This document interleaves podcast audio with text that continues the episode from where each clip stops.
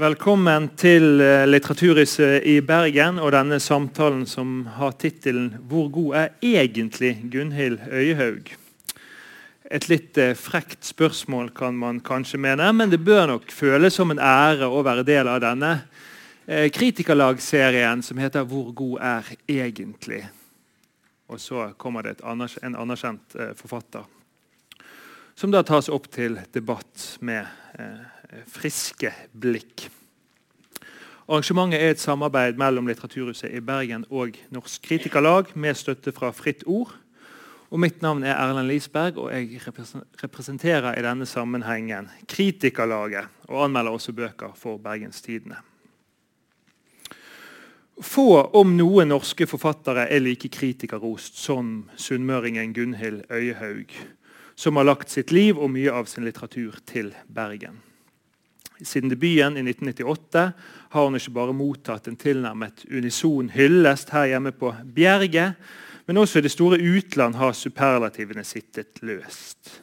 A Norwegian master of the short story har hun blitt kalt av den toneangivende kritikeren James Wood i The New Yorker.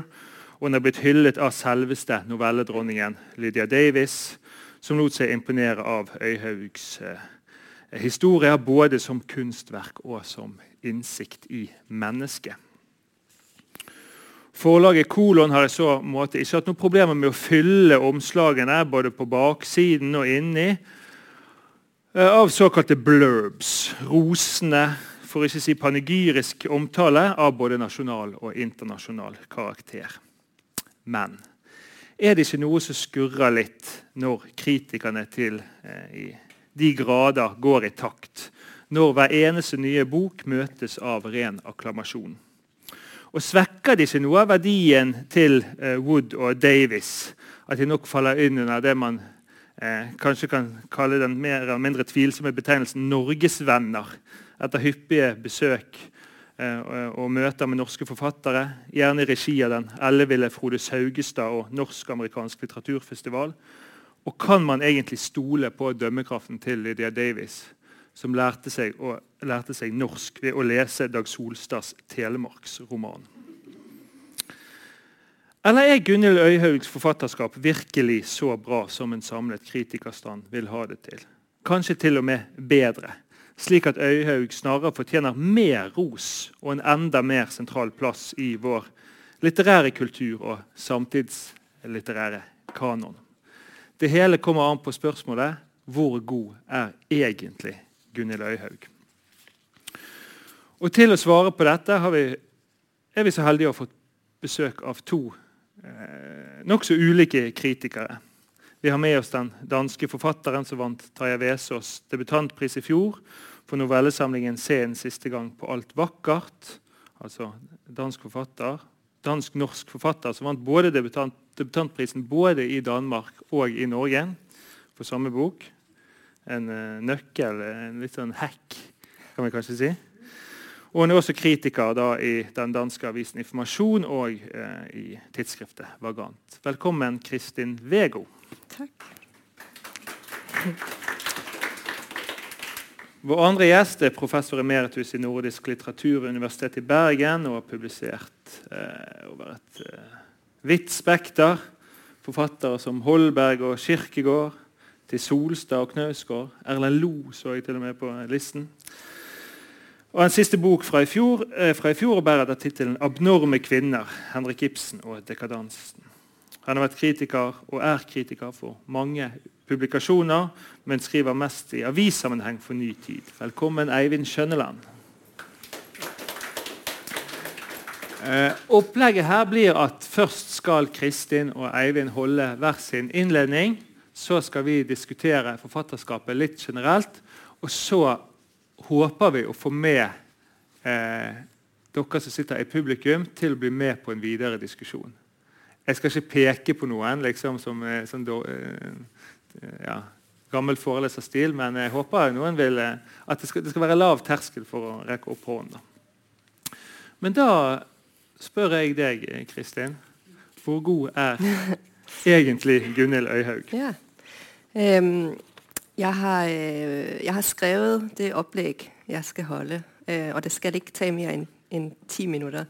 Men um, jeg tenkte lige å starte med å, å bare lige gi et overblikk for dem, som ikke uh, helt ved, hva Gunhild Øyhaugs forfatterskap innebærer Så er det altså tre romaner, tre novellesamlinger, tre essaysamlinger, en diktsamling og et filmmanus.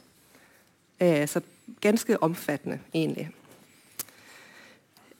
Mitt lille oplæg heter 'Begeistring for undring. Jeg skal si litt om Gunhild Øyehaugs forfatterskab. Titlen på arrangementet er, hvor god er egentlig Gunhild Øyehaug?' Man kunne også spørge, hva gør Gunhild Øyehaug god?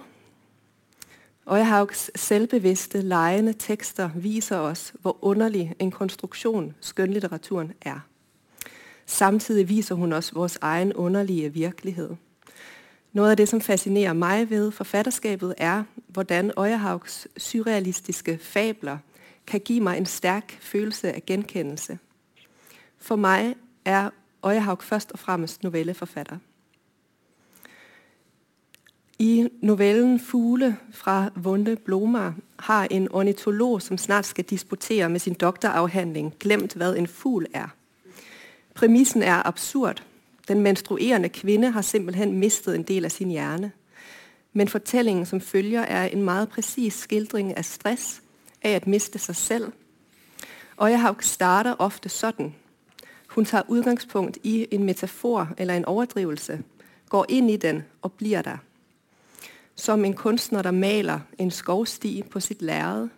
Det kunne være Astrups 'Kvinne i skog, og så selv træder inn på stien og går mellom træerne. Sådan blir Øyehaugs sprogbilleder konkrete. Romanen Presens Maskin. I romanen Presens Maskin er det nettopp et ord, en fejllæsning i et dikt, som fører til, at et parallelt univers oppstår og adskiller en mor og en datter. Fortælleren er en kvinde, som hver dag går og lægger papirerne, hun har skrevet, i et hul i en myr. Da jeg genlæste romanen nu, ble jeg mindet om danske Solveig Balles romanverk om udregning av rumfang. Her er det ikke rummet, men tiden, som er gået i stykker. Begge værker har en spekulativ form, men i sin kerne skildrer de savn, lengsel, søgen efter mening, søgen efter fællesskab. Mange av Øyehaugs noveller består av et, et slags fint sammenvævet assosiasjonsstoff. Novellen Lyse fra Dragmeskriver er en av de fineste, jeg har læst. Det har noe å gjøre med tonen, det avdempede, rolige, alt det, som alligevel finner sted på kun fem sider. Sånn her starter novellen. Den dag jeg så et menneske forsvinne ut av bussens væg, ligesom bare glide blødt ut gjennom siden av bussen, ble jeg meget overrasket. Det regner. Fortelleren passerer en andedam, som er gått over sine bredder og forestiller seg hvordan det ville være, hvis hennes eget hus plutselig ekspanderte og fikk en ekstra etage. Hun er bekymret for sine børn, som er på vei hjem i regnen. I denne tilstand av uro, med følelsen av at alt er utflytende, grænseløst og ekspanderende, møder hun et gjenferd i sin egen stue – Novellen slutter med, at hun selv går igennem væggen i sitt hus, går over gaden og legger seg opp i lyset i en lygtepæl.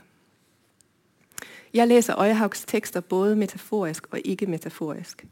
Fortellingen er, som den er. Der sker akkurat det, som der står, at der sker. Virkeligheden spaltes i to parallelle universer. En mor transformeres til lyset i en lygtepæl.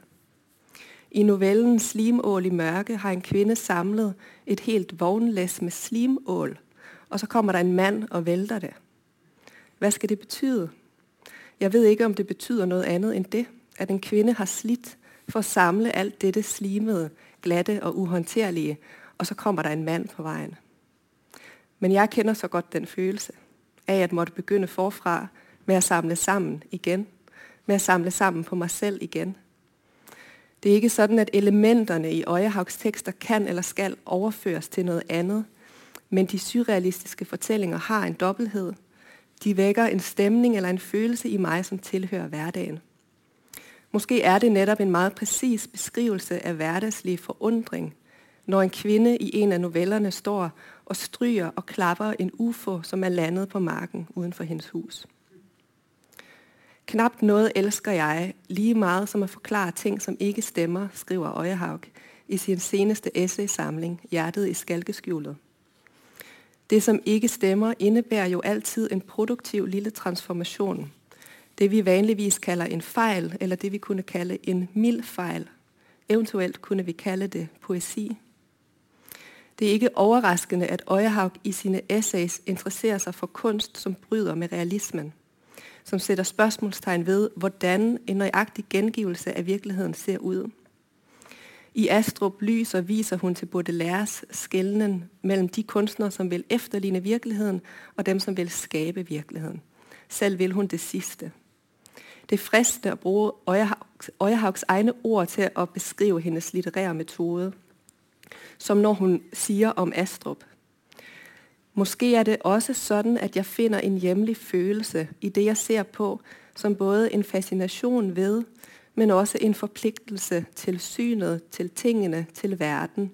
Fjellene, stjernene, en sten, et tre.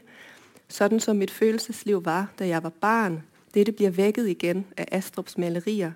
Følelsen av sterk forundring og ønsket om å vise verden frem, skabe samme forundring ved verden. Jeg kan ved jevne mellomrom oppleve en slags litteraturlede, eller måske er det en slags fiksjonslede perioder hvor jeg ikke kan lese skønlitteratur, og hvor jeg langsomt må trene meg opp ved å lese essays eller biografier til å gå tilbake inn i fiksjonen. Jeg tror det har å gjøre med en skepsis mot en litterær form som påstår å fremstille noe virkelig, som kan føles så oppdiktet, nettopp fordi den foregiver ikke å være det. Jeg kan også få en slags utmattelse ved det motsatte, ved det altfor selvbevisste og selviscenesettende, ved en litteratur som ikke lar meg glemme et sekund at jeg sitter og leser noe som noen har skrevet. Når Gunhild Øyehaug er aller best, og det syns jeg hun er særlig i de siste utgivelser, den siste novellesamling, siste roman, siste essaysamling, balanserer hun mellom disse to områder. Hennes verker er tydelig konstruerede tekster, nesten euforiske over sitt eget ekspanderende mulighetsrom. Og de oppleves som meget presise fremstillinger av en form for virkelighet, et følelsesliv, en erfaringsverden. En siste ting, hvis jeg har tid, en ja. siste ting jeg vil si om Gunhild Øyehaugs forfatterskap, er at det er ikke selvhøytidelig. Det betyr ikke at det ikke er alvor her. Øyehaug skriver med smittende begeistring f.eks. om andre forfattere. Hendes tekster gir meg lyst til å lese og gjenlese Kafka, Olav H. Hauge, Inger Christensen, Sharon Olds. Begeistring og forundring er hva jeg først og fremst forbinder med Øyehaugs forfatterskap. Og ofte, på tross av humoren i tekstene, en slags trist forundring. Ønsket om at noen skal komme, om sammenheng, om mening, om at ikke være alene.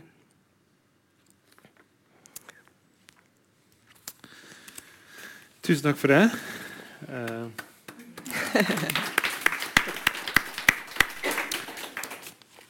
Før vi følger det opp, så tror jeg rett og slett jeg bare skal gi ordet til uh, Eivind jeg, for din innledning. Ja, da ligger jeg vekk manus. Får vi se om det går allikevel. altså Den novellen du nevnte der, med hun som da forsker på fugler, og skriver doktorgrad om fugler, og så plutselig så, så vet hun ikke hva en meis er engang, og hun har ikke sett en fugl før. Det er jo den situasjonen. Der kjente jeg meg godt igjen. fordi eh, I min alder så begynner man jo å få sånn eh, snikende Alzheimer. Og da kunne jeg tenke meg at jeg har lest, nå har jeg lest eh, 1200 sider Gunhild Øyehaug.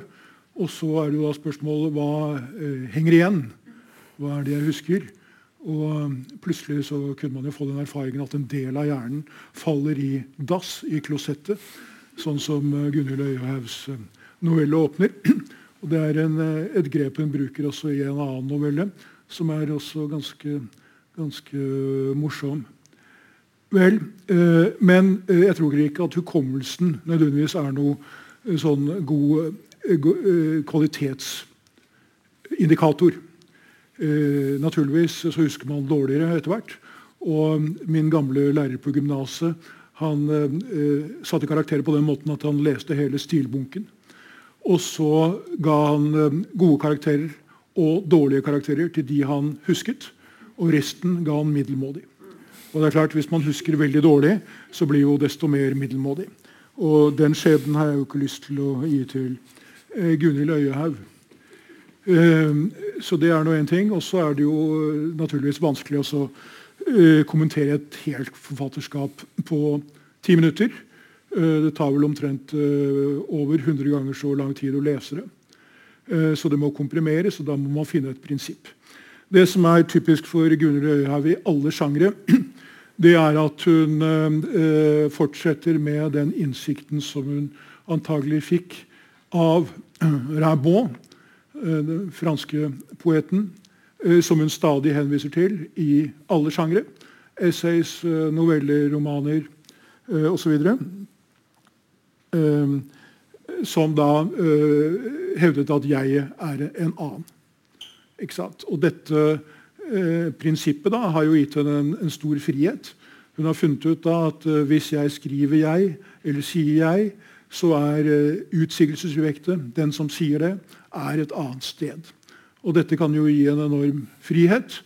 Eh, og for Øyehaug så er det jo ofte eh, en eh, imponerende original billedbruk. Slående metaforer. Eller hun går enda lenger og tar spranget ut i det fantastiske. Naturligvis, I virkelighetens verden så kan jo ikke en hjerne falle ned i toalettskålen. Ikke sant? Sånn, så hun tar seg de frihetene, men det er alltid morsomt å være med uh, Gunhild Øyehaug når hun uh, begir seg inn i det så, så, usannsynlige uh, som verst. Hun har et essay for eksempel, uh, hvor de skal til Volda. Det er en ekspedisjon til Volda på jakt etter den nynorske kvinnen og hvor hun snakker om Ivar Aasen. Og så plutselig så finner hun på å sammenligne Ivar Aasen med Orfeus. Uh, og stakkars Ottar Grepstad, som skrev boka 'Det nynorske blikket', den har hun ikke lest engang, i hvert fall ifølge henne selv. hvis vi skal stole på det. Eh, men eh, hun eh, finner da ut at akkurat som Orfeus reddet Evridike, så, skal, så hadde Aasen som prosjekt å redde Norge ved å levendegjøre nynorsken. Og man lurer på vil denne analogien eller metaforen holde. Og Det som er fint med Øyehaug på sitt beste, det er jo da at man begynner å le. fordi at analogien holder jo ikke, på en måte, men allikevel så kjører hun på. Og, og Når en da begynner med lydlikheten mellom Åsen og Orfeus, selv om Orfeus skrives med O da, og Åsen med dobbel A, eh, så er det liksom sånn, så, så, kjøper vi det også. Og da, da er jeg med. Så, så det, det, er morsomt. Mm. Ja. Så, så det, er, det, er, det beste, kan man si, det kreative ved at dette jeget da, som utsigelsessubjektet, eller den som skriver, eh, på en måte er forskjellig fra, det gir en enorm skal vi si, sånn kreativ eh, frihet. Det er liksom eh, det positive. Da er jeg fem minutter igjen. Eh, men eh, man kan si da, hva er grensene ved dette? her? Det er jo på en måte en sånn opptatt, opplest og vedtatt sannhet på litteraturvitenskap. At det, den som skriver, ikke er identisk med det skrevne. Liksom. Sånn at Det er jo da en sånn protest mot biografisk metode. Det er en protest mot realismen. Osv. Vel, uh, jeg er for så vidt enig i det. Det er en fin innsikt, liksom. Men eh, baksiden av det, det er jo da at eh, selv om den som snakker, ikke er identisk med liksom et 'jeg' skrevet på papiret, så betyr ikke det at liksom det ikke er en sammenheng. Eller begrensninger. og Det er jo der man kan se konturene Eh, av begrensninger av denne friheten som da litteraturvitenskapet i Bergen har levd lenge på. En slags eufori med at jeg ikke er identisk med meg selv. Fantastisk. Men allikevel, det er klart, når man da skriver ti bøker og Hun uh, feirer jo 25-årsjubileum siden debuten i 98 i år. Uh, så er det klart så vil det jo avtegne seg mønstre. Og disse mønstrene de er nok ikke så lett å sette uh, en sånn, i en sånn begrepsmessig todeling mellom 'jeg er den andre'. Je et en autre, som eh, Rimbaud sa, ugrammatikalsk da, på fransk. Ja, Og hva er begrensningene? Det er naturligvis at det bygger seg opp en kanon. De er jo veldig klar, tydelig hos Øyehaug. Foruten da den allestedsnærværende Rimbaud, som hun sier et sted. Det er umulig å la være å tenke på Rimbaud. Så er det Inger Christensen. Det er forskjellige forfattere. Olav H. Hauge er med i alle sjangre. Altså det er en rekke av si, egenkanoniserte eh, referanser som hun begrenser seg til. Og disse dukker opp eh, overalt. Det er ett eh, tegn på det. Men nå er det klart at alle har jo etter hvert sånne kanoner. Hvis man har en sånn historie med lesning, så er det visse holdepunkter, visse sitater, visse referanser som hele tiden går igjen. Og Så er det spørsmål da, hvordan står dette i forhold til friheten, Eh, det burleske, fantasien, eh, entusiasmen osv. Så, sånn, så er det klart at eh, det er nok helt riktig, som Øyhaug sier i en novelle, da, hvor hun på en måte latterliggjør vår trang til alltid å ville være et annet sted. At det er en hjort som tenker at han har falt inn i et hjortemønster. Og det ville kanskje være bedre å være elg eller noe annet. Så er det klart at mønsteret gir trygghet. Og ikke bare det, men det er også gir frihet. Det er ikke noen frihet uten eh, begrensninger, og det avtegner seg jo. Men disse begrensningene de blir ikke så mye fokusert hos Øya. Jeg skal nevne eh, en til, som hun, som hun, jo skriver om. Det er eh, DNA og arv og miljø, som hun toucher inn på noen steder. Altså, hun har en novelle om, en, som holder en, militær som holder en tale og han knesetter da arv og miljø som prinsipp. Det er ikke noe frihet. Og Et eksempel på det er da at eh, det er en person hvis bestefar, som vedkommende aldri har sett, har den samme uvanen med å gnisse med føttene eh, når han ser på TV. Som han da ikke kan ha lært, men som da anser som nedarvet. ikke sant? Og Det er klart, det er en begrensning av friheten. sånn Det er ikke sånn at man kan gestalte sitt alter ego akkurat sånn som man vil. Eh, selv om man da eh, er forskjellig eh, fra det. Og En tredje ting som kanskje er enda mer alvorlig hos Øyhaug, som jeg skal slutte med, det er jo det at det er et springbrett for fantasien å ikke kunne vite så mye om andre personer. Og Det er vel gjennomgående i de fleste av novellene og romanene og også essayene til Øyhaug at eh, innlevelsen, empatien og forståelsen for andre er eh, ikke så veldig utpreget. Sånn at det er et brudd mellom det indre og det ytre. Det heter et sted for en datter på tolv år at hun kunne aldri finne ut hva moren tenkte. Ikke sant? Og det er flere steder da at vi vet ikke hva som rører seg inni noen. Uh, hun har et eksempel et sted med Hillary Clinton, som ble berømmet for liksom å holde seg for munnen når hun ser på en sånn militær aksjon uh, på, på, TV hvor de likviderer noen. og Dette var et tegn på Hillary Clintons medfølelse. Men så viser det seg at Hillary Clinton da uh, har allergi, så hun holdt seg for munnen for ikke å nyse. Og Sånn så kan vi alltid naturligvis misforstå uttrykk. og det er ikke noe direkte kobling. Vi kan ikke lese tanker og eh, direkte. og vi kan ikke sånn, Men allikevel så er det jo da en viss konvensjonelt forhold mellom det indre og det ytre. Eh, og det tematiserer hun også flere steder i forbindelse med trekantdramaer, som er veldig, gjennom, veldig utpreget i forfatterskapet. Trekantdramaer, Og noen av disse trekantene så er det jo sånn at f.eks. én Eh, kjæresten til en av eh, en mann. Hun går fra den ene til den andre, for hun finner ut at eh, kjæresten er en dårlig kopi av kameraten. Så hun, hun sier det med en metafor sånn at denne kjæresten han, Kameraten lekker inn i han, og hun er, orker ikke å øse lenger. Ikke og Det er også en, en veldig bevissthet om imitasjon og angsten for å imitere forfattere osv. En stor vektlegging av det. Sånn at uh, Enten så har man ikke tilgang til andre personers uh, sånn, og man satser på å være original. Uh, men det er på en måte da en sånn hyperimitasjon i det sosiale. Man imiterer andre ved å ville være sammen med partneren deres f.eks. Og jeg har vel følelsen av at denne spenningen eh, er uforløst. Men det er jo for så vidt ikke noe innvending, for det kan generere nye bøker. Takk.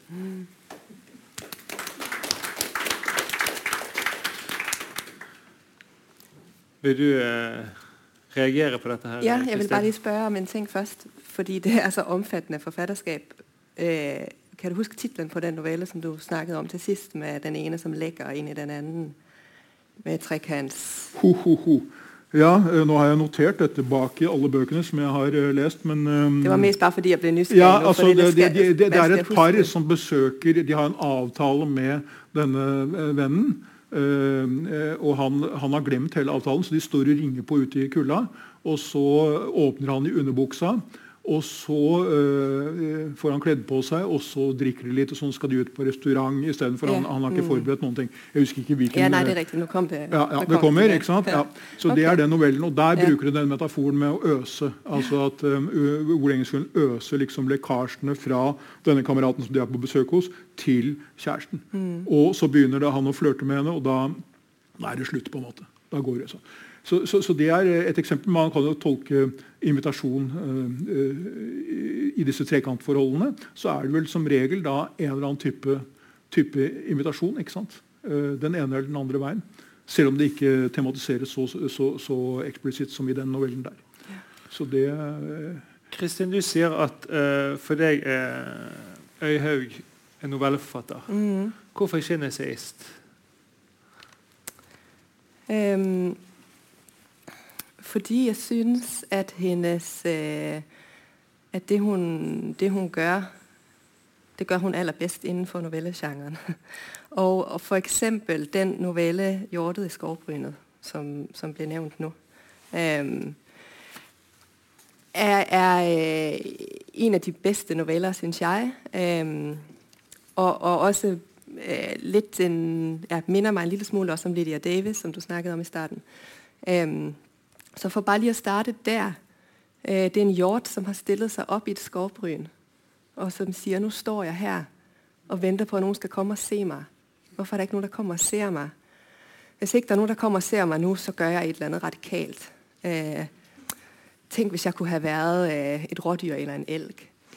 Og, jeg, og det er en ganske, den er en halv side lang, hele teksten. Og jeg har tænkt på, hvorfor den tekst er så morsom. Fordi jeg tror ikke, det ville have været øh, det samme, hvis det var en hund, som lå i en hundekurv og drømte om å være en ulv.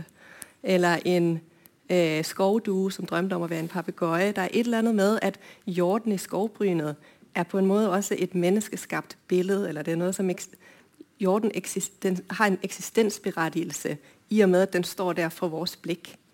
Og når vi så ikke kommer og ser på den, så, så faller det sammen. Um, så det kommer jeg bare litt til å tænke på nå. Øh, at, øhm, at der er ofte flere lag i teksten, enn jeg umiddelbart kan øh, pille fra hinanden eller analysere, men som virker i meg når jeg læser. Øhm, jeg ble introduceret til Øyehaug som novelleforfatter. Jeg startet med å læse hennes, noveller, så det er nok en av grunnene til, at, at, at hun altid vil være novelleforfatter for meg. Øhm, der er et eller annet ved, at øhm, i hennes romaner for eksempel, øh, som jo øh, er lengre, der er, mere, der er bedre plads. Når man læser en roman, så har jeg en eller anden forventning om en, en form for psykologisk dybde i, i noen personer. Og, og, øhm, og mærkeligt nok, så er det sådan med Øjehaug, at, at når jeg læser hendes romaner, så er det sjældent personerne, jeg egentlig interesserer mig for. Altså det er alt det andet. Det er tankestoffet, og det er de formmæssige greb. Når jeg læser novellerne, for eksempel den, den jeg nævnte, Lyse, som handler om en unavngiven kvinde, fem sider, hendes børn, og så den her bevægelse, hvor hun går igennem væggen. Øh, jeg ved ikke noget om hende, sådan som jeg ville gøre, hvis hun var en person i en roman, så ville hun have et navn og et job og en fortid og en familie.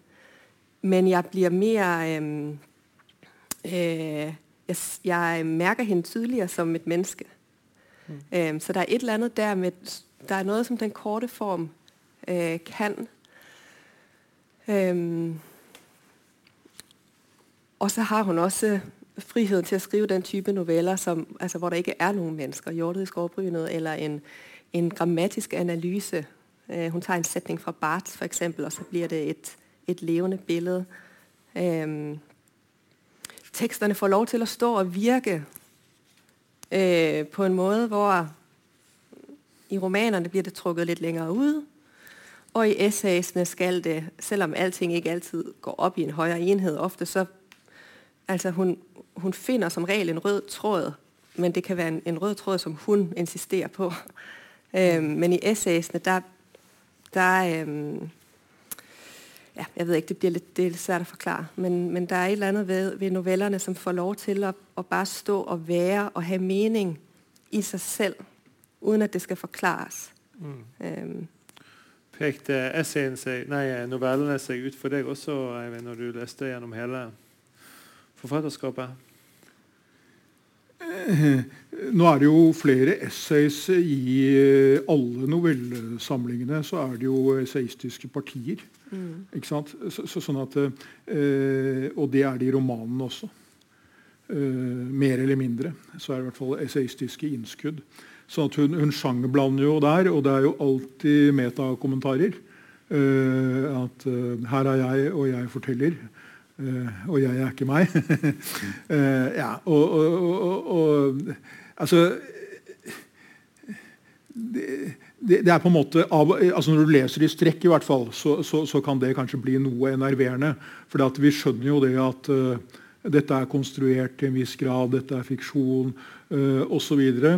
Og, og, det er klart, liksom, Teoretisk så er det jo ikke sånn at Aristoteles mente at uh, kunsten bare skulle etterligne verden. Uh, liksom. Aristoteles sier jo at uh, diktningen er mer allmenn enn historien, f.eks.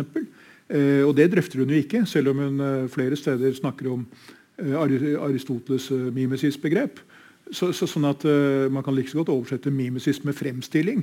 og Da blir vel det poenget liksom uh, noe uh, svekket. da, at Man må jo alltid sortere ut, man må alltid foreta valg. Det er alltid noen som skriver, som hele tiden liksom regisserer og sånn. Og gevinsten med å si det at 'her er jeg, og jeg regisserer', er ikke alltid like lett å få øye på, men det kan jo være en sånn slags peptalk til en selv. da, liksom at at her går jeg videre. Sånn. men, men, altså, selve kraften i forfatterskapet tror ikke jeg egentlig er akkurat det der metakommentarene. Jeg syns vel da at hvis vi snakker romaner ja, Vi kommer til romanen. Ok, vi kommer til romanen. Vi skal ta essayene. Nei, altså Når det gjelder essayene, så, så har hun jo et sted hvor hun kommenterer en student som er rasende oppå på høyden i Bergen fordi at han Eh, har skrevet et essay, og så har han fått dårlig karakter. Og så uh, sier han at Gerhard Haas har skrevet at essayet skal være digressivt. Og det er akkurat det jeg har gjort. Og allikevel liksom, så går det ikke. Og digressiv det er jo en, en bra betegnelse på Øyehaug uansett sjanger, egentlig.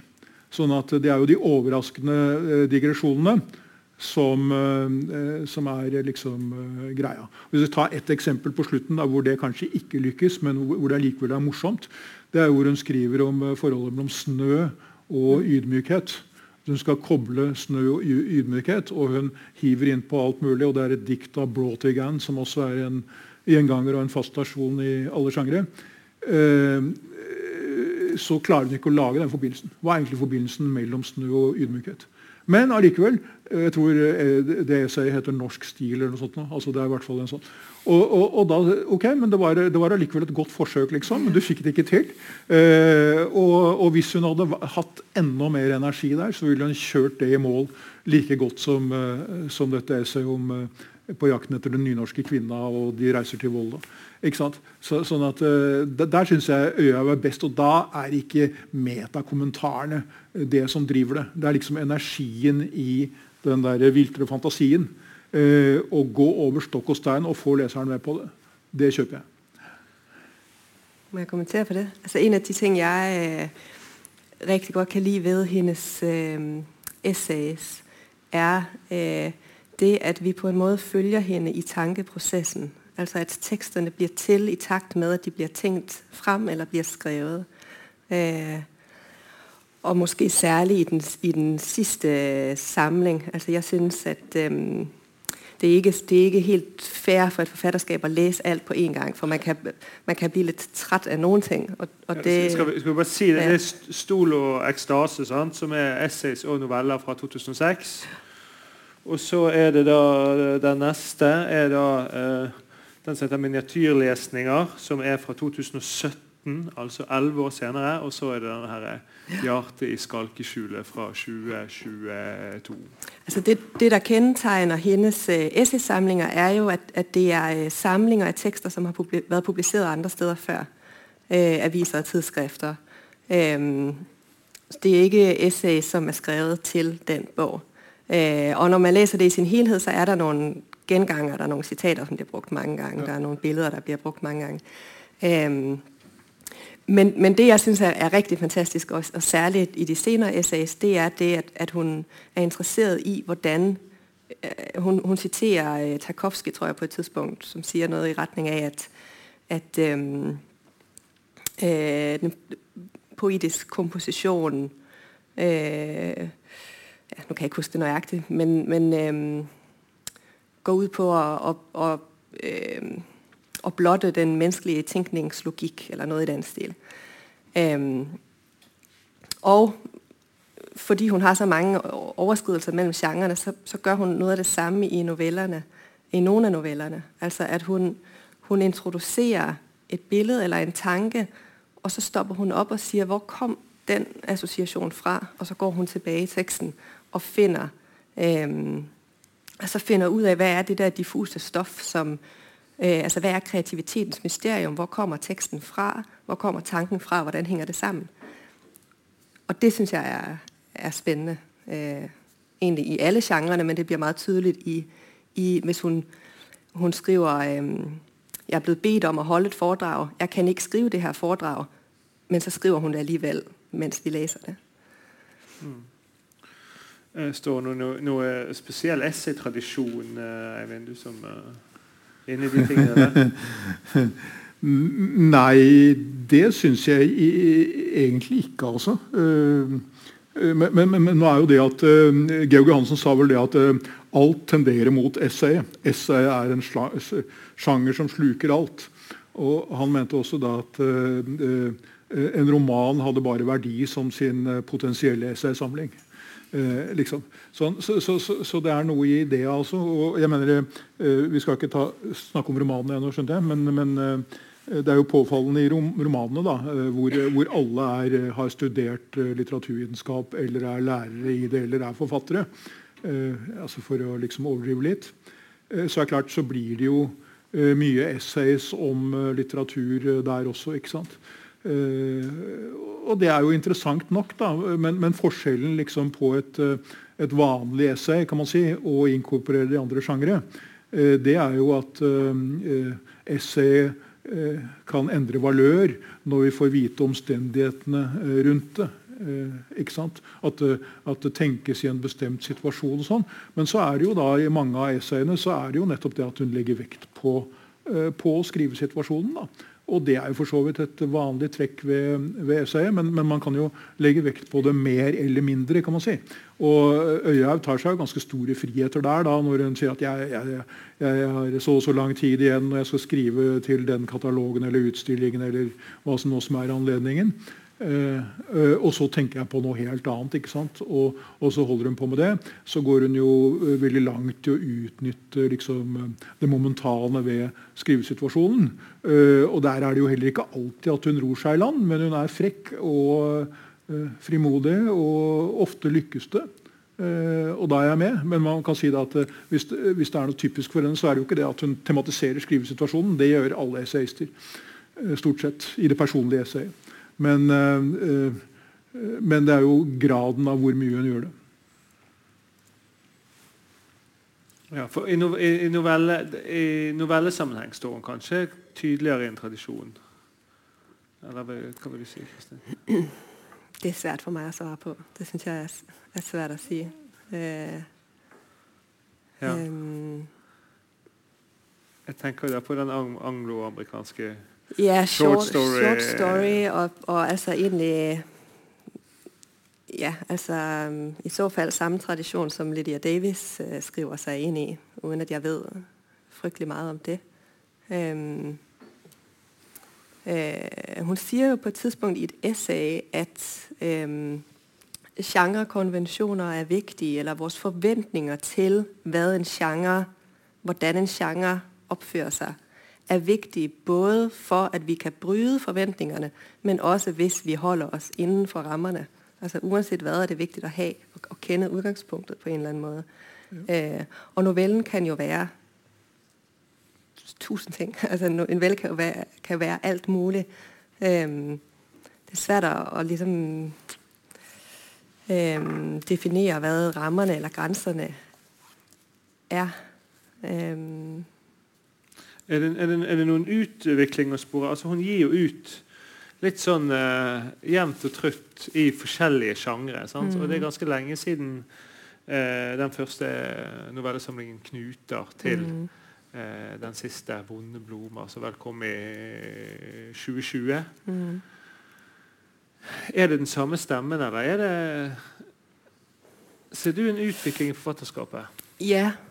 Det er jo, det er jo øhm, helt tydelig den samme stemme, men jeg synes den sidste samling nok bikker mer over mot det essayistiske egentlig, end de tidlige noveller.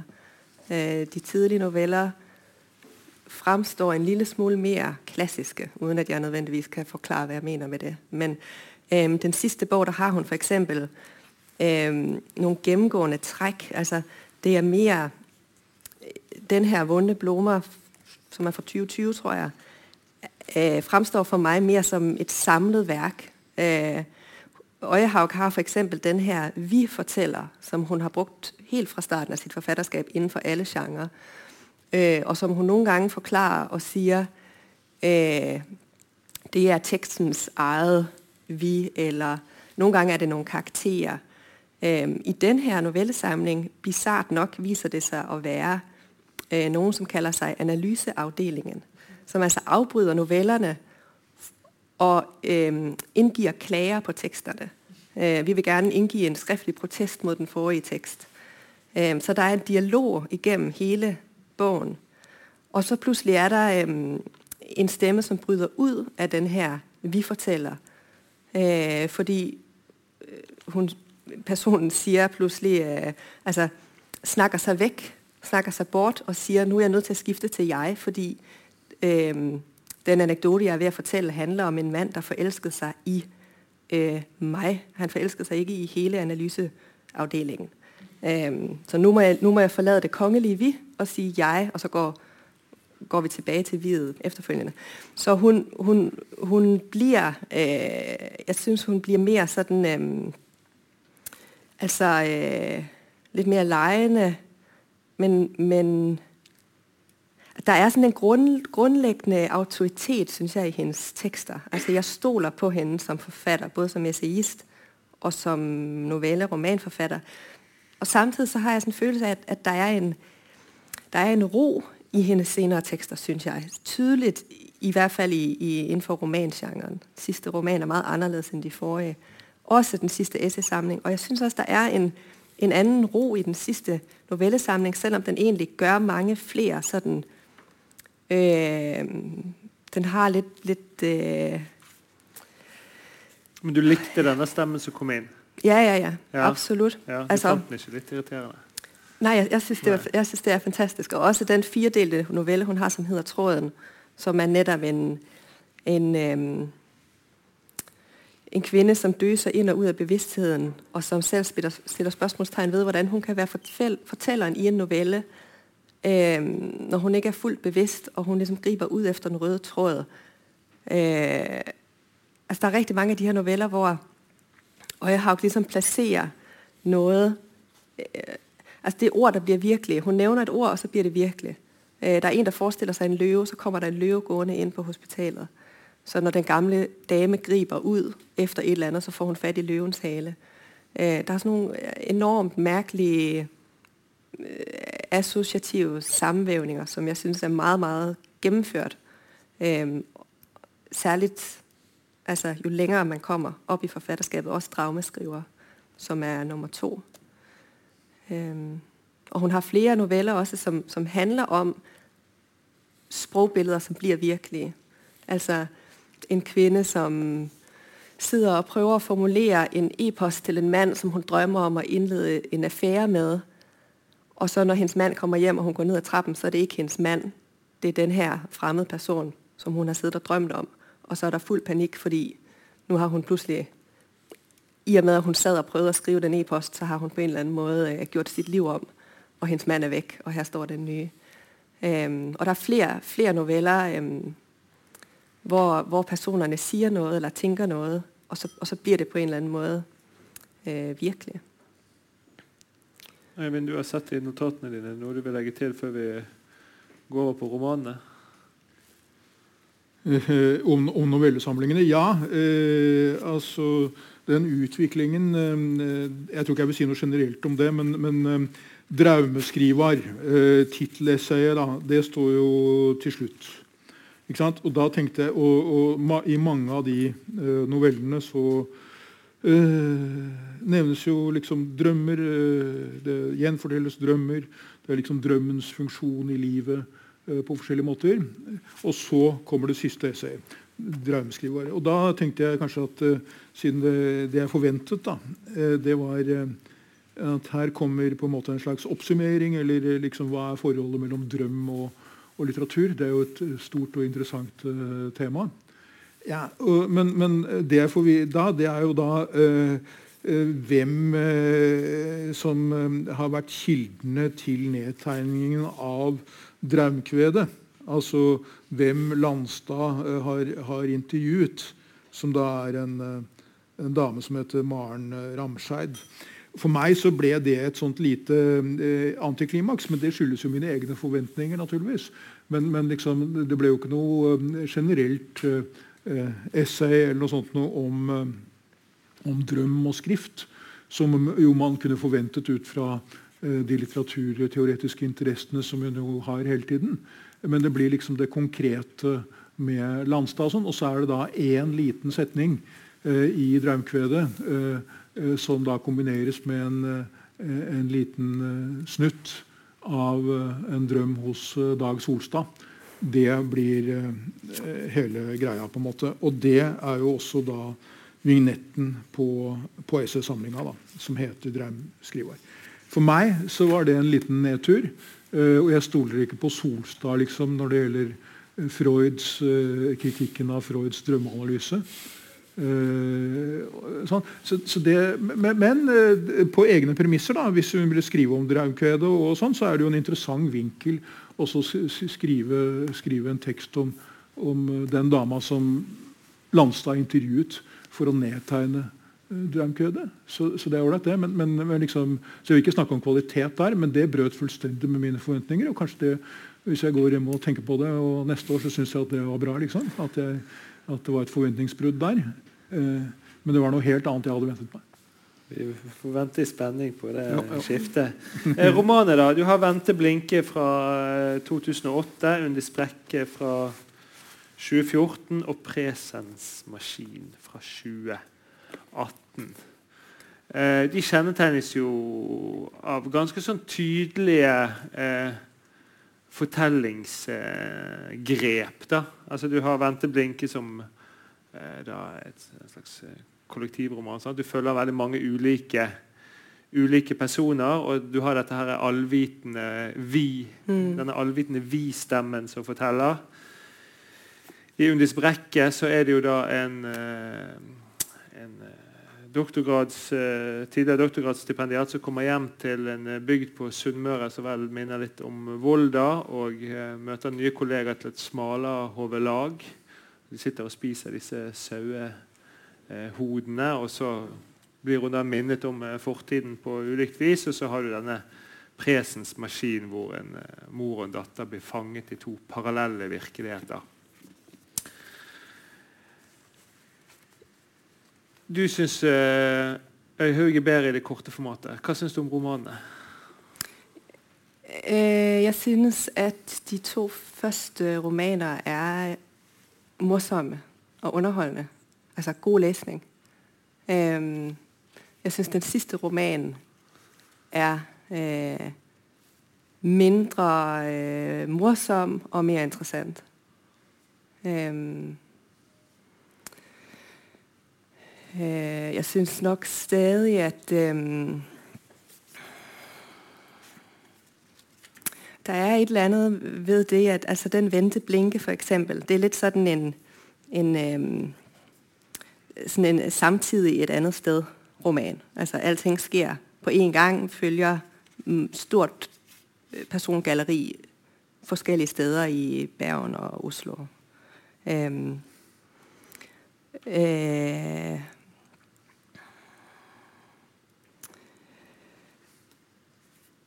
mens den sidste presensmaskinen har en, en, um, en fortelleramme som er øhm, øh, voldsom og i øjefaldende, og måske øh, noen vil synes, det er for meget. Jeg synes, det er, det er helt fantastisk. Men det er altså det, at, at vi læser en roman, som har, er fortalt af en slags alvidende fortæller, som er sådan en litterær konstruktion, som vi er vant til og accepterer. Og så kommer der sådan nogle bitte små hul i fiktionsstoffet, hvor fortælleren tager sig selv i at sige, øh, i skrivende stund, den ene person hedder Laura, i, stiv, i skrivende stund står Laura og ser ut av vinduet, og så sier fortælleren, jeg burde egentlig sige, i skrivende stund er jeg våd på benene, fordi det er jo meg der skriver, og ikke Laura. Og, og for, fortælleren viser seg å være en faktisk figur, en kvinne som lever i et postapokalyptisk landskap, som skriver de her papirer, som går og legger dem ned i et hul i en myr og håper noen skal finne det. Øhm, så jeg synes selve, jeg synes selve sådan, øh, det ler romanen er lavet av, altså det, det formmæssige eh, ramme, eh, strukturen, syns jeg er, er spennende. Og så synes jeg, at det er en, jeg synes, det er en øhm, enormt rørende roman. Altså, den handler jo om de her mennesker, som går op og ned af hinanden, som ikke selv, den ene ved ikke, at hun har mistet et barn, fordi hendes datter forsvandt ind i et andet univers, da hun var to. Og datteren, som vokser op, ved ikke, at hun engang har haft en mor. Og så er der de her mænd, der er faren for eksempel, som er blevet splittet i to. I det ene univers mangler han en datter, i det andet mangler han en kone og sådan så det er jo meget spekulativt og, og, øhm, og overnaturligt, men, men det handler jo om noen grundfølelser. Altså det handler jo om, om savn eller længsel, eller øhm, måske også en, en ting, som hun skriver om i mange af altså novellerne, der kan hun liksom gå til den lille situation. Øh, hun kan fange den lille underlige hendelse eller det usandsynlige i det liv, vi faktisk lever. Det usandsynlige i å møde for eksempel det rigtige menneske på det rigtige tidspunkt. Øhm, så det er, på, det er litt, det, det, den lille situasjonen som, som her er, er foldet ut i et litt større format. Men føler, men føler du på det savnet? Føler du liksom For jeg kan, hvis jeg kan uh, også ikke bare være sånn ordstyrer da, Jeg følte at det ble litt for fikst, alle de romanene egentlig, at det ble litt for fikst og litt for sånn håndverksmessige grep som, som gjør at liksom på en måte at jeg ikke får så god kontakt med personene. Da. Så jeg, mm. egentlig, jeg syns det liksom fungerer veldig bra, og det, og det håndverksmessig er det veldig imponerende i alle tre romanene. Synes jeg, At det fungerer så godt. Men jeg klarer liksom ikke å engasjere meg jeg føler ikke jeg når noe dypere ned i de personene og de, eh, deres problemer. da. Men det er også litt sånn jeg har det med, med romanpersonene fremfor eh, mange novellepersonene, selv om man kun møter dem i et glimt. Um, men, men måske er jeg mer investeret i presensmaskinen nettopp fordi den har litt, litt, litt færre fakta. Der er, så vidt jeg husker, ikke noen fodnoter og alle sånne andre ting. Altså, der er den her litt absurde fortelleramme, men ellers så er den relativt, egentlig relativt klassisk, altså skiftende kapitler mellom de to, to tre, fire hovedpersoner. Um, men jeg, men jeg, jeg har det nok litt på samme måde i forhold til øhm, personerne, og, og især hvis man sammenligner med alle mulige andre romaner. Altså vi er vant til måske at bli investeret i personerne på en anden måde, når vi leser en roman på 150-200 sider. Mm. Ble du investert, uh, Eivind? Om jeg er ble investert i romanene? Ja, Hva betyr det? Nei, at du liksom føler, eh, føler at du har en liten eh, stake med i eh, hovedkarakterene. Da. Liksom at du eh, føler deg som en del av dem og ser dem som hele mennesker. Nei, altså det er, det er jo ikke nøkkelromaner, selv om jeg kjenner vel de fleste som driver med litteraturvitenskap og sånn her i landet. Så. eller engasjert, da. Kan Ja, det ja. bedre. Ble du, Engasjert. engasjert? Ja, eh, nei, altså jeg syns vel den, den første romanen er liksom den som har mest energi. Men, men der er det jo også det at eh, det, er, det er lengsel, og det er identitetsproblematikk, og det er eh, eh, konflikter, og det er sjalusi eh, og kjærlighet og eh, alle disse ingrediensene der. Men, men eh, eh, liksom dybden i personene imponerer ikke meg. kan du si. Men det kan godt tenkes at det ikke er meningen. Eh, det er greit nok. eh, Og, og man kan skrive eh, demonstrativt eh, klisjéfylt og, eh, og sånn, og det gjør hun jo eh, delvis. Eh, men eh, så er spørsmålet da hva som er hensikten med det. Hvis vi går til andre romaner, hvis vi går til eh, både Undis brekke og den Presens maskin, så eh, så, så, så, er det jo ofte et eh, litt sånn mørkt indre liv eh, eh, med eh, store psykiske problemer eh, hos eh, både Undis Brekke og eh, Anna, i, i, som er moren da, til hun Laura, i, i denne siste romanen. Eh, Sånn, og da, eh, hvis jeg skal bedømme det liksom psykologisk, så syns jeg liksom ikke det, det kommer noe sted hen. liksom. Men, men, men isteden blir jo på en måte da skilsmissen, som åpenbart er traumatisk for Anna og for Laura også, det er jo det som motiverer da skillet mellom de to eh, eh, dimensjonene. Altså, sånn at eh, akkurat eh, samme dag som eh, eh, hun får vite at da ektemannen er, truffet en ny, eh, så feilleser hun eh, en linje i en svensk lyriksamling. Og så istedenfor Tredgård, så er det Terdgård eller noe sånt. Nå. Eh, ja. og, og, og så skapes det to dimensjoner.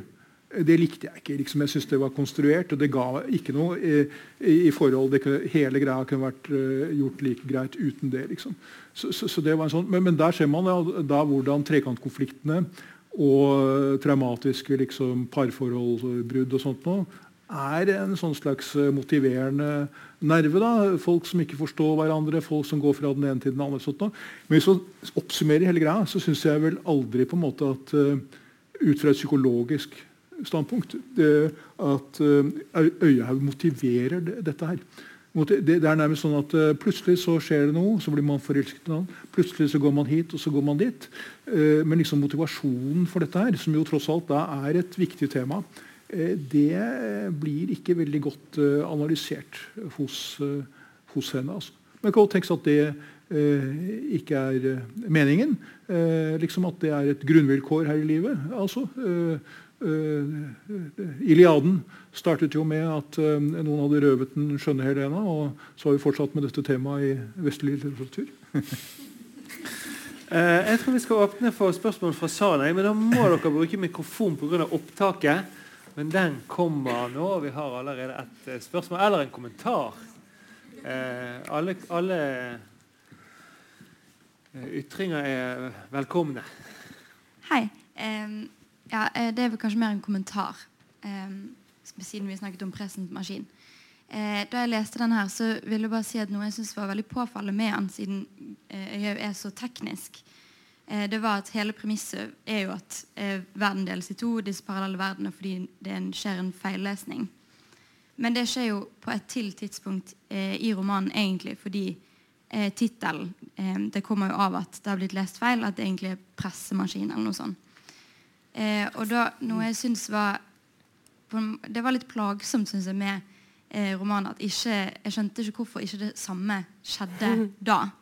Eh, og det føltes på en måte som eh, nest, Jeg tenkte nesten at det var litt sånn teknisk svikt, fordi jeg, jeg tenkte at det var det som var premiss for hele Jeg har en kommentar til det. Ja, Som det var er, ikke et spørsmål. Men er ja. sådan, for meg å se sånn en typisk øh, øjehavk-logik, hvor hun siger, at hvis man sidder, hvis man fejllæser det svenske ord Tredgard, Tredgård, og man sidder i en have samtidig, så vil det ske.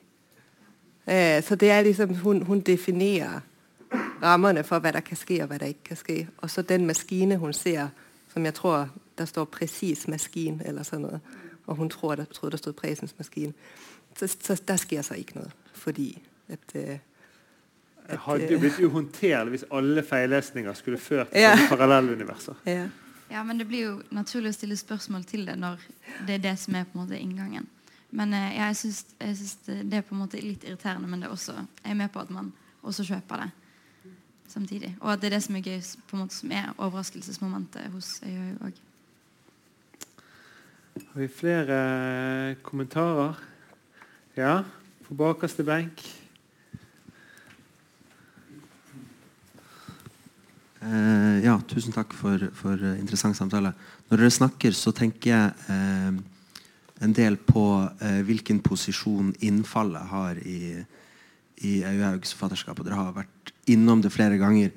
Og så eh, tok jo du Eivind, og, og var inn på det med Aristoteles sitt mimesis-begrep, og hvordan eh, kunsten på en eller annen måte forvalter en, en om ikke sannere, så i hvert fall en annen Eh, og kanskje dypere form for sannhet enn virkeligheten, fordi at eh, eh, der skjer ting av en grunn.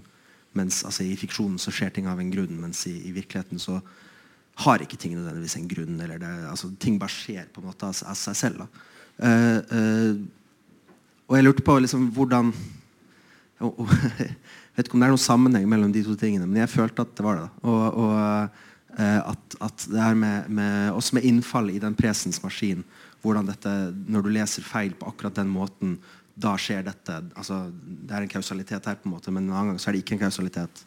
Og, og at eh, um, Altså Og det her med, med, med hvorfor ting skjer. Eh, og, og, jeg bare lurte på om dere kunne si noe om det her med innfallet, og, i hvert fall i forhold til Aristoteles' mimesis-begrep. Om, om, det er noe interessant, det. Eh, egentlig. Eller om det bare er noe jeg har konstruert i mitt hode. Ja. Skal jeg si noe om det? Vær så god.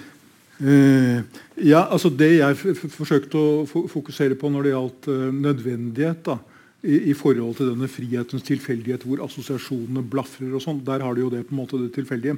Men uh, det er, det har vi vel ikke nevnt ennå, altså, det er jo uh, en konsentrasjon hos henne om natur. natur, blekkspruter i dypet, ja, masse flotte naturskildringer for så vidt av, landskap, og uh, ufoer. Uh, bevissthet om det store universet. og Men, men altså, jeg skal ta et eksempel fra, fra denne her eh, Undis brekke. Der er jo uh, det at det, hovedpersonen har vært sammen med en fyr som heter Vemund, og skrevet en slags reality-roman om han, så vidt jeg skjønner. og så møtes de igjen da etter mange år, hvor hun får jobb på samme sted. og sånt nå. Og så blir hun forført uh, da han, etter at han legger uh, liksom handa på låret hennes. Og da beskrives den handa som en krabbe. Så der er vi over i natur. Men vi får ikke vite noen ting om hva som foregår inni han, naturligvis. Og heller ikke noe særlig om hva som foregår inni henne. Bare det at nå faller hun. Hun forfaller. Eh, og så må hun liksom bøye seg for dette. her. Men, men, tross alt da, det har jo vært en voldsomt traumatisk greie. Hun har til og med skrevet en roman om dette forholdet. Og det, denne fyren er jo da en rundbrenner som har eh, forført eh, en dame som har begått selvmord og hengt seg, og en annen, eh, kona til en kollega. Og dette vet hun. Og allikevel så eh, blir hun med han.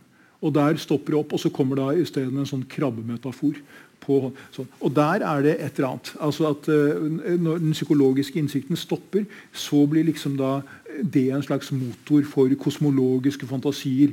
Universets utspring, uh, blekkspruter på 650 meters dyp. Alt, alt det Der Der ser jeg en sånn slags tendens. En slags uh, uforløst spenning. Da, hvis man kan, for det, det er jo alltid, når man leser et forfatterskap, ti bøker så uansett liksom om uh, er forfatteren er forskjellig fra fortelleren, som er uh, forskjellig fra uh, jeg eller vi i boka, så danner det seg et mønster. Enhver forfatter har sine begrensninger, sine yndlingstemaer, sine problemstillinger og ting som driver videre. Uansett hele det der Rabon-greiene. Og det er der jeg eh, er ute etter en slags sånn tematisk eh, motivnødvendighet. Og det vil jo da eh, angå hele det du snakker, snakker om. Altså hva er mimesis eh, og forholdet mellom tilfeldighet og nødvendighet. Og Der er det nok altså en slags nødvendighet i temavalg, i måter å gestalte på, i interessefelt. Og, sånt og jeg syns vel at de to siste romanene er mer depressive på en måte enn den første. Altså, det er, det, er, trist. 'Den presens maskin' er en trist roman. Det er liksom ikke mye, mye av entusiasmen igjen der. synes ikke det. Så, og, og, og, da må man kanskje inn i noen sånne smertepunkter for å få opp noe mer energi. Der hvor, dogma, hvor hvor opererer dogmatisk. For det gjør jo alle. ikke sant? Alle stivner, og alle går inn i mønsteret. Øh, men det er klart, øh, spesielt ille hvis du da skal være kreativ og skrive noe nytt i neste bok. Er det flere kommentarer? Ja, her har vi en. Mikrofonen kommer rett bak deg.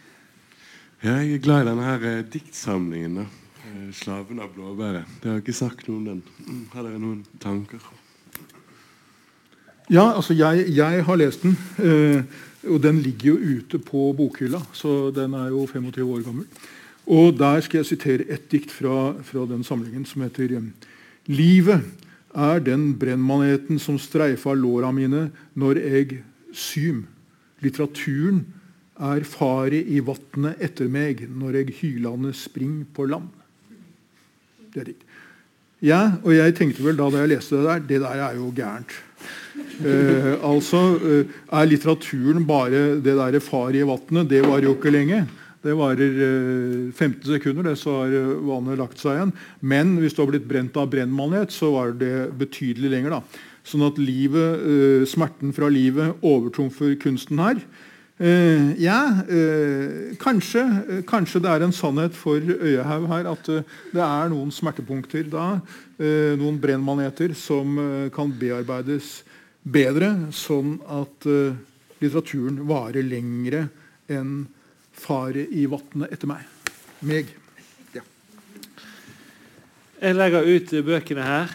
Hvis dere skal anbefale en Øyhaug-bok til en leser. Nå har ikke jeg knuter her. Den har jeg mistet, mistet på, på, veien. Hvilken eh, bok eh, vil du velge deg, Kristin? Jeg velger 'Vonde blomer'. Eh, eller 'Hjertet i skalkeskjulet', men, Nei, men først og fremst 'Vonde blomer'. Ja, så tar jeg den. Ja, Absolutt. Siste sammen Mm. Ja. Nei, jeg, da tror jeg altså, jeg alderssegregerer, da. Sånn at uh, For de yngre så tar vi romanen 'Vente blinke'. Og for de litt eldre så tar vi romanen 'Unders brekke'. Ja, da har vi det på plass. Eh, dere har jo vegret dere mot det. Skjønte jeg jo allerede på e-posten i forkant. At dere egentlig ikke hadde så lyst til å snakke om kvalitet. Eller dere hadde bare lyst til å snakke om høy kvalitet. Dere har ikke lyst til å vurdere så mye. Men mitt siste spørsmål, og der må dere formulere dere veldig kort Der vil jeg dere skal vurdere litt.